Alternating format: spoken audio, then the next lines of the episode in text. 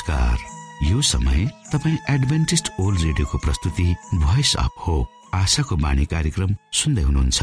कार्यक्रम प्रस्तुता म रवि यो समय तपाईँको साथमा छु।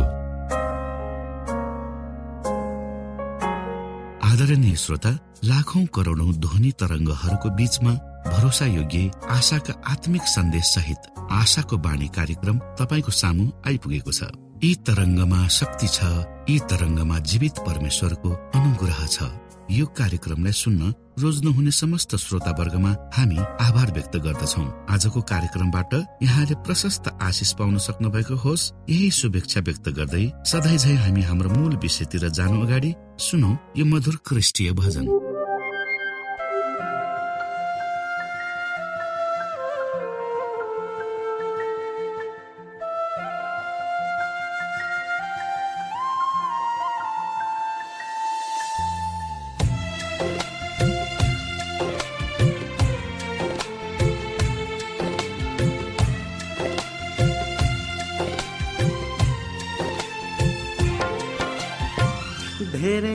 खोजे सुख चैन धेरै खोजे खुसी।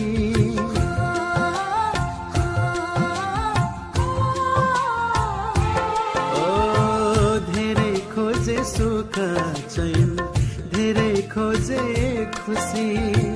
तर त्यहाँ कहिले पाइन अनन्तको मुक्ति।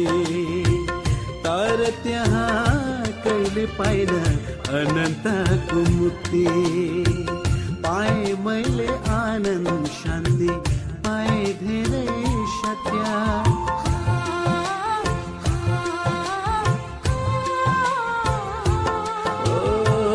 पाए मैले आनन्द शान्ति पाए धेरै सत्य।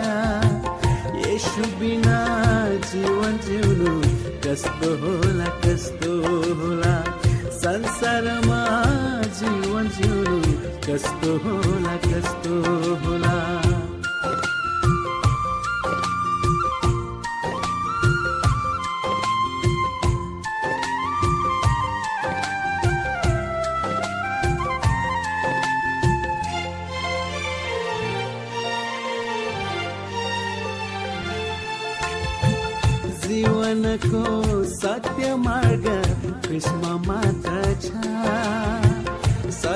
पाउनु शान्ति भन्नु यसो मानै छ।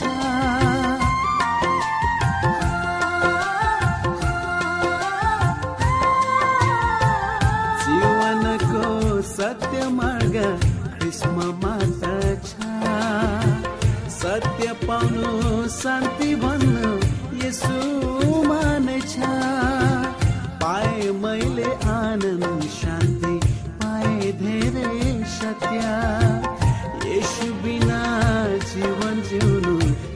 कस्तो होला कस्तो होला?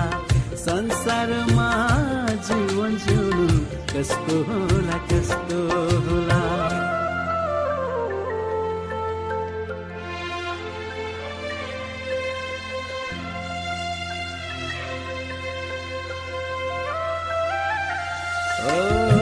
सत्यताको जीवन पाउनु कृष्ण मात्र छ। अनन्तको मुक्ति पाउनु यसु छ।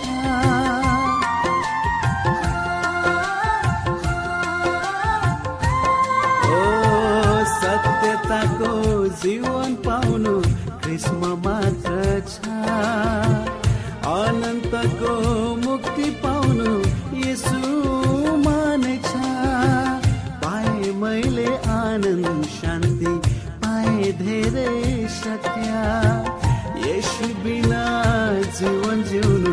कस्तो होला कस्तो होला? संसारमा जीवन जिउनु कस्तो होला कस्तो होला? धेरै खोजे सुख चैन धेरै खोजे खुसी।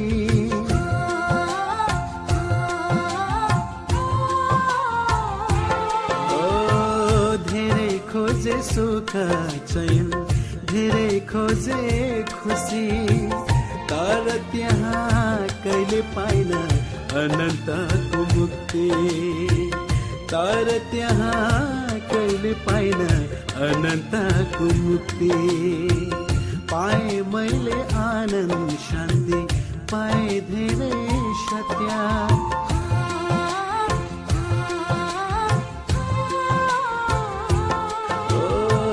पाए मैले आनन्द शान्ति यसु बिना जीवन जिउनु कस्तो होला कस्तो होला? संसारमा जीवन जिउनु कस्तो होला कस्तो होला? यो समय तपाईँ एडभेन्टिस्ट ओल्ड रेडियोको प्रस्तुति भोइस अफ होप आशाको बाणी कार्यक्रम सुन्दै हुनुहुन्छ। श्रोता मित्र यो समय हामी पास्टर उमेश पोखरेलबाट आजको बाइबल सन्देश सुन्नेछौ। श्रोता साथी न्यानो अभिवादन। म तपाईँको आफ्नै आफन्त पास्टर उमेश पोखरेल परमेश्वरको वचन लिएर यो समय यो रेडियो कार्यक्रम मार्फत तपाईँहरूको बिचमा पुनः उपस्थित भएको छु। मलाई आशा छ तपाईँले हाम्रो कार्यक्रमहरूलाई नियमित रूपमा सुन्दै हुनुहुन्छ र परमेश्वरको आशिष प्राप्त गरिरहनु भएको छ। आजको प्रस्तुतिलाई पस्कनुभन्दा पहिले आउनुहोस् हामी परमेश्वरमा अगुवाईको लागि बिन्ती राख्नेछौँ। जीवी जिउँदो महान दयालु परमेश्वर हामी धन्यवादी छौँ यो जीवन र जीवनमा दिनुभएका प्रशस्त आशिषहरूको लागि। प्रभु यो रेडियो कार्यक्रमलाई म तपाईँको हातमा राख्दछु। यसलाई तपाईँको राज्य र महिमाको प्रचारको खातिर यो देश र सारा संसारमा तपाईँले पुर्याउनुहोस् ताकि धेरै मानिसहरूले तपाईँको ज्योतिलाई देख्न सकुन् र तपाईँको राज्यमा प्रवेश गर्न सक्नु। सबै बिन्ती प्रभु यीशुको नाममा। आमेन।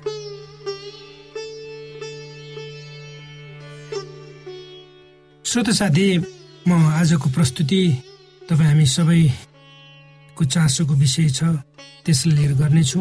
तपाईँको बुवाको विषयमा। तपाईँको बुवा कस्तो हुनुहुन्छ? के उहाँ तपाईँसँग आफ्नो समय बिताउन चाहनुहुन्छ? अथवा आफ्नो कामसँग मात्रै मतलब राख्नुहुन्छ? के उहाँ धेरै पैसा कमाउनुहुन्छ? र कमाउने कुरामा मात्र लागिरहनुहुन्छ? के उहाँ अझै जीवित हुनुहुन्छ? उहाँको मृत्यु भइसक्यो। के तपाईँ जान्नुहुन्छ कि उहाँले तपाईँलाई प्रेम गर्नुहुन्थ्यो? वा हुन्छ? यी प्रश्नहरू। सबैका निम्ति सान्दर्भिक प्रश्नहरू। सबैको मनमा उठ्ने प्रश्नहरू। म दुईटा छोराको बाबु हुँ। मेरो जेठो छोरा बाह्र वर्षको भयो भने सानो करिब बत्तीस महिनाको छ। यी दुई छोराहरू मसँग सुत्न मन पराउँछन् मसँग खेल्न र मेरो ढाडमा चढ्न आदि धेरै कुराहरू मसँग गर्न मन पराउँछ। जब म घरबाट केही दिनको निम्ति बाहिर जान्छु मेरो जेठो छोरो रुन्छ र कम्प्युटरबाट मसँग कुरा गर्न आतुर हुन्छ। भने सानो छोरो बालकै छ ऊ सोध्छ सानो कम्प्युटरभित्र उसको बाबा छ र ऊ आफ्नो दाजुलाई तोते बोलीद्वारा कम्प्युटर खोल ड्याडी ड्याडी त्यहाँ छ भनेर भन्छ। म एक व्यस्त व्यक्ति हुँ। मेरो अगाडि मैले गर्नुपर्ने कामहरूको लाइन लागेको छ। ठिक समयमा सबै कुराहरू सक्नुपर्छ किनकि समय आफ्नै गतिमा दौडिरहेको छ र कसैले र यसले कसैलाई पर्खिँदैन। तर पनि मेरो निम्ति मेरो परिवार मेरा नानीहरू महत्त्वपूर्ण छन् र म जति सक्छु उनीहरूको निम्ति समय दिने कोसिस गर्छु। र त्यसैले त होला म मेरो नानीहरूसँग अति नजिक छु र उनीहरू मसँग त्यति नै नजिक छन् र मेरो पहिलो प्राथमिकतामा उनीहरू पर्छन्। र म जति नै व्यस्त भए पनि उनीहरूलाई माया गर्न अँगालो मार्न र उनीहरूका कुरा सुन्न र उनीहरूसँग खेल्न आतुर हुन्छु र सक्दो गर्छु पनि। एउटा प्रख्यात लेखक जसको नाम जोन छ उनले आफ्नो पुस्तकमा एउटा केटो कसरी हुर्कियो भन्ने विषयमा यसरी वर्णन गर्दछ। मेरो साथीले भन्यो कि जब ऊ सानो केटो थियो उनी आफ्नो बुबाको अध्ययन गर्ने कोठाको बाहिर ढोकामा रातभरि उभिरहन्थ्यो। ढोका भित्रबाट लगाइएको हुन्थ्यो। उसका बाबु आफ्नो काममा मात्र तल्लीन हुने व्यक्ति थिए र उनीसँग आफ्नो सानो छोरालाई माया गर्ने वा देखाउने समय थिएन। तर पनि त्यो केटो प्रत्येक रात अबेरसम्म आँखाबाट आँसु झार्दै आफ्नो बाबुको पढ्ने कोठा बाहिर पर्खेर बस्थ्यो। र सानो सानो कागजमा आफ्नो बाबुलाई चिठी लेखेर ढोकाको तल्लो भागबाट छिराएर भित्र पठाउँथ्यो। आशा गर्दथ्यो कि उसको बाबुले उसका चिठीहरूको उत्तर लेखेर पठाउनेछ तर कहिले पनि उसले आफ्नो बाबुबाट कुनै पत्रको जवाफ पाएन। त्यो सानो केटो आफ्नो बाबुलाई प्रेम गर्थ्यो र उसलाई पनि उसको बाबुले प्रेम गरोस् उसँग समय बिताओस्। भन्ने ठुलो चाहना थियो। त्यसैको निम्ति ऊ पर्खिबस्थ्यो त्यो सानो बच्चा के तपाईँको बुबा त्यस्तो हुनुहुन्छ? के त्यस्तो बुबालाई तपाईँ मन पराउनुहुन्छ? यहाँ मैले कसैलाई न्याय गर्न खोजेको होइन श्रोता। न कि कसैको पनि बुबा नराम्रो हुनुहुन्छ हुनुहुन्छ भनी भन्न खोजेको। तर हाम्रा नानीहरू हाम्रो लागि परमेश्वरका उपहार हुन्। तिनीहरू जब साना छन् दिन प्रतिदिन हुर्कन्छन्। हाम्रो प्रेम हाम्रो हेरचाह हाम्रो समय उनीहरूलाई चाहिन्छ। मानव तपाईँ र मैले आफ्नो बारीमा तरकारी रोप्यौँ र त्यो उम्रियो र त्यसलाई हामीले हेरचाह मलजल पानी दिएनौँ भने अर्थात् त्यो बिरुवासँग हामीले समय बिताएनौँ भने उक्त बिरुवा बढ्न सक्दैन। हुनसक्छ मर्न पनि सक्छ। बढिहाले पनि त्यसले फल फलाउँदैन। त्यही कुरो हाम्रा नानीहरूमा पनि लागु हुन्छ। के यो विषयमा तपाईँ हामी सचेत छौँ? श्रोत साथी हामी प्रत्येक व्यक्ति प्रेमका भोका हुन्छौँ। हामीलाई कसैले प्रेम गरोस् हाम्रो हेरचाह गरोस् हामीसँग समय बिताओस् भन्ने लाग्छ। यो मानवीय स्वभाव हो। यो स्वभाव हामीले परमेश्वरबाट प्राप्त गरेका हो। हामीले हाम्रो जीवनमा जतिसुकै प्रगति किन नगरौँ? हाम्रो सामाजिक मान मर्यादा जतिसुकै उच्च किन नहोस्? यदि तपाईँ र म आफ्नो निम्ति मात्रै जिउँछु भने हाम्रा उपलब्धिहरू हामीले प्राप्त गरेका सामाजिक मान मर्यादाले हामीलाई शान्ति आनन्द दिन सक्दैनन्। र जबसम्म तिनलाई हामीले मानवीय भावनाद्वारा परिचालित गर्दैनौँ। अर्थात् जबसम्म तपाईँ र मैले शर्त बिना कसैलाई आफ्नो प्रेम दिन सक्दैनौँ आफ्नो समय उनीहरूसँग बिताउन सक्दैनौँ तबसम्म यथार्थमा हामीले जीवनमा केही हासिल गर्न सकेका हुँदैन श्रोता। श्रोता साथी हामी आमा बुवाहरू सबै आफ्ना नानीहरूलाई जति सकिन्छ प्रेम बाँड्न चाहन्छौँ आतुर रहन्छौँ। आफ्ना सन्तानको निम्ति हामी जे गर्न पनि तयार हुन्छौँ। त्यो कुरा हामीले आफ्नै जीवनमा अनुभव गरेका छौँ वा गर्नेछौँ।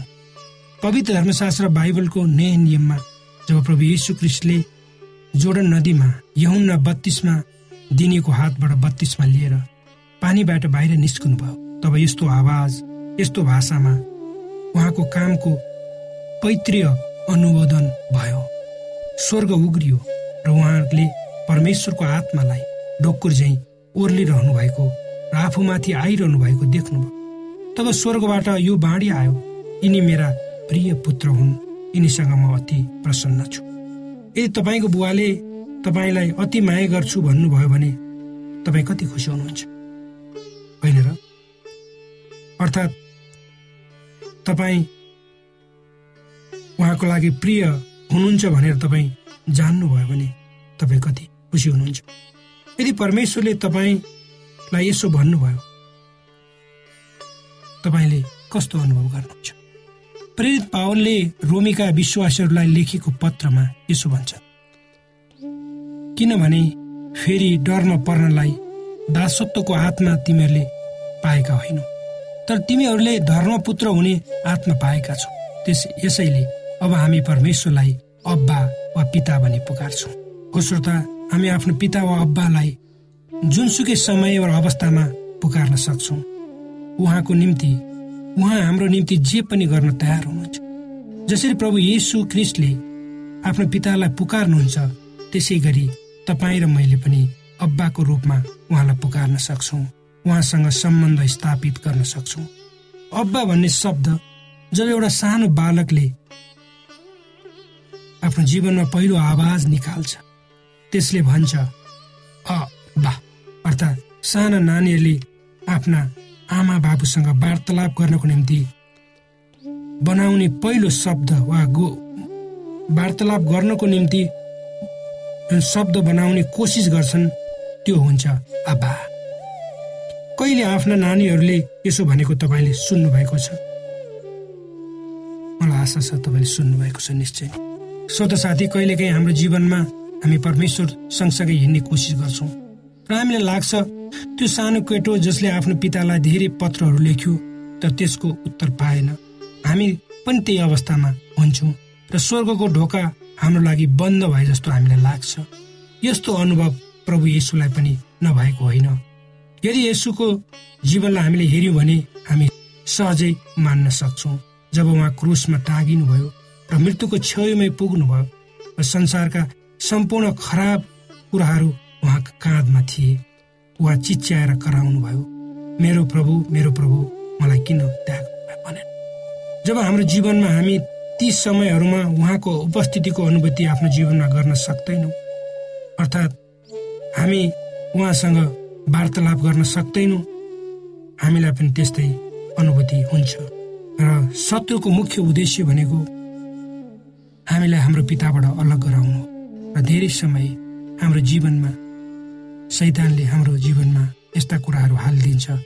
त्यति बेला हामी परमेश्वरको उपस्थितिको अनुभूति हामी गर्न सक्दैनौँ। हाम्रो जीवनको सबभन्दा अन्धकारमय अवस्थाहरूमा हामीहरू ती पत्रहरू पढ्छौँ जुन उहाँले हाम्रो लागि लेख्नु भएको छ। पुरा पवित्र धर्मशास्त्र उहाँको लागि हाम्रो प्रेम पत्र उक्त पत्र मार्फत मानवताको कथा उहाँले हामीलाई भन्नुहुन्छ। परमेश्वरले हामीलाई यति प्रेम गर्नुभयो ताकि उहाँले हामी जिउँ भनेर आफ्नो जीवन क्रुसमा बलिदान गर्नुभयो। पवित्र धर्मशास्त्र तपाईँ हामी एक एकको निम्ति हाम्रो बुबाले लेख्नु भएको प्रेम पत्र हो जसले हामी सबैलाई प्रेम गर्नुहुन्छ। आमेन।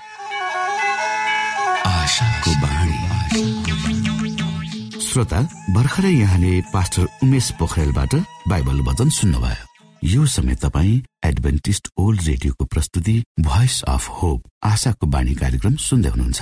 कार्यक्रम सुनेर बस्नुहुने सबै श्रोतालाई हामी हाम्रो कार्यक्रममा स्वागत गर्न चाहन्छौ। श्रोता मित्र यदि तपाईँ जीवनदेखि हरेस खानु भएको छ तपाईँका जीवनमा धेरै अनुत्तरित प्रश्नहरू छन् भने आउनुहोस् हामी तपाईँलाई परमेश्वरको ज्योतिमा डोहोर्याउन चाहन्छौ। र तपाईँ आफ्नो जीवनका चिन्ता फिक्रीबाट निश्चिन्त हुनुहोस् र बाँच्नुको आनन्द परमेश्वरको सामिप्यमा कति मिठो हुन्छ त्यो चाख्नुहोस् भनी हामी चाहन्छौँ। श्रोता यदि तपाईँ आशाको बाणी कार्यक्रमलाई अनलाइन सुन्न चाहनुहुन्छ वा डाउनलोड गर्न चाहनुहुन्छ भने डट ओआरजीमा जानुहोस्। त्यहाँ तपाईँले प्रत्येक दिनको कार्यक्रम सुन्न र डाउनलोड गर्न सक्नुहुनेछ। हाम्रो वेब पेज यस प्रकार छ डब्लु डब्लु डब्लु डट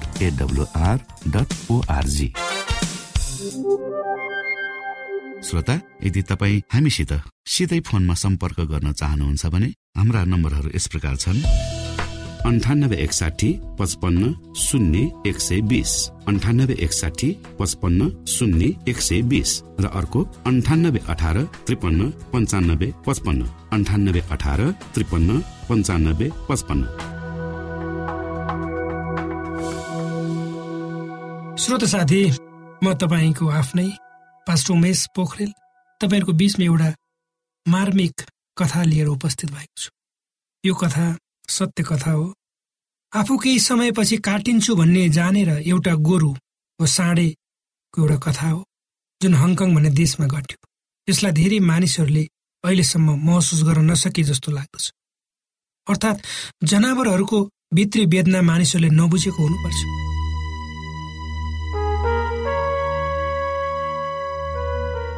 हङकङको एउटा न्युज पेपर विकली ओल्ड म्यागजिनले लेखे अनुसार जनावरहरू काटेर मासुलाई प्याक गर्ने उद्योगमा काम गर्ने कामदारहरू जब स्लटर वा त्यो जनावरहरूलाई मार्ने घरको मुख मुख्य ढोकामा पुगे तब दुखित साँडे अगाडि बढ्न मानेन।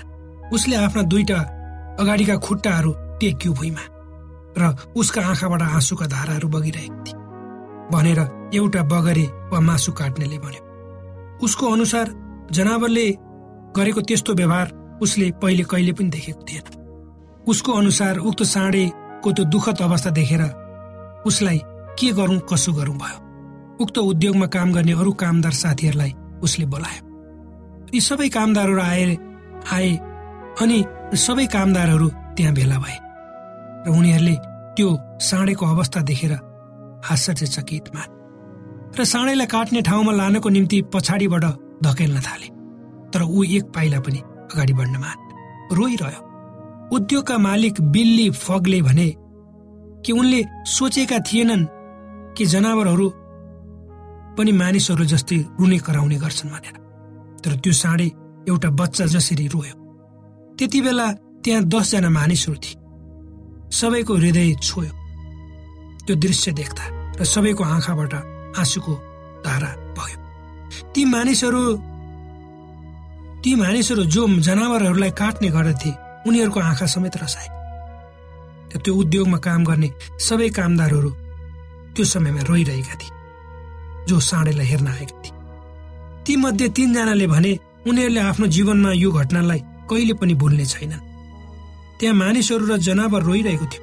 सबैले यो बुझे कि कसैले उक्त साँडेलाई मार्न सक्दैन भनेर। समस्या अब के गर्ने भन्ने? समस्या अब के गर्ने त्यो साँडेको निम्ति? अन्त्यमा उनीहरूले आफूबाट पैसा उठाएर त्यो साँडेलाई किन्ने निर्णय गरे। ताकि त्यसलाई मन्दिरमा लगेर छोडिदियो भने जसको हेरचाह त्यहाँका साधुहरूले गर्नेछन् मङ्कहरूले गर्ने छन् जब कामदारहरूले यो निर्णय गरे तब अचम्मको घटना देखियो। एउटा कामदारको अनुसार जब उनीहरूले साँडेलाई नमार्ने प्रतिज्ञा गरे तब उक्त साँडे उठेर हिँड्न थाल्यो र उनीहरूलाई पछ्याउन थाल्यो। मिस्टर स्युन भन्छन् हामीलाई विश्वास गर्नुहोस्। यो सत्य घटना हो। यसमा कुनै शङ्का छैन। उक्त साँडेले ती मासु काट्नेहरूको जीवनमा जीवनमा ठुलो शिक्षा दियो र उनीहरूलाई परिवर्तन गरिदियो। र तपाईँको पनि जीवनमा यो कथाले परिवर्तन गरोस्। यही मेरो कामना।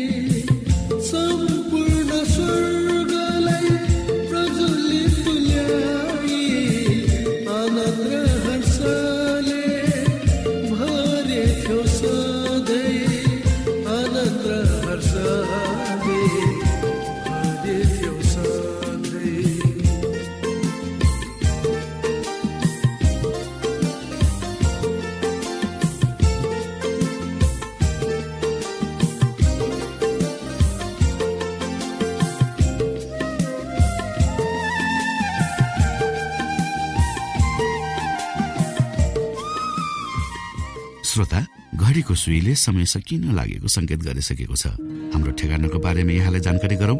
आशाको बाणी पोस्ट बक्स नम्बर दुई शून्य शून्य शून्य दुई काठमाडौँ नेपाल। यसै गरी श्रोता यदि तपाईँ हामीसित सिधै फोनमा सम्पर्क गर्न चाहनुहुन्छ भने हाम्रा नम्बरहरू यस प्रकार छन्। अन्ठानब्बे एकसाठी पचपन्न शून्य एक सय बिस।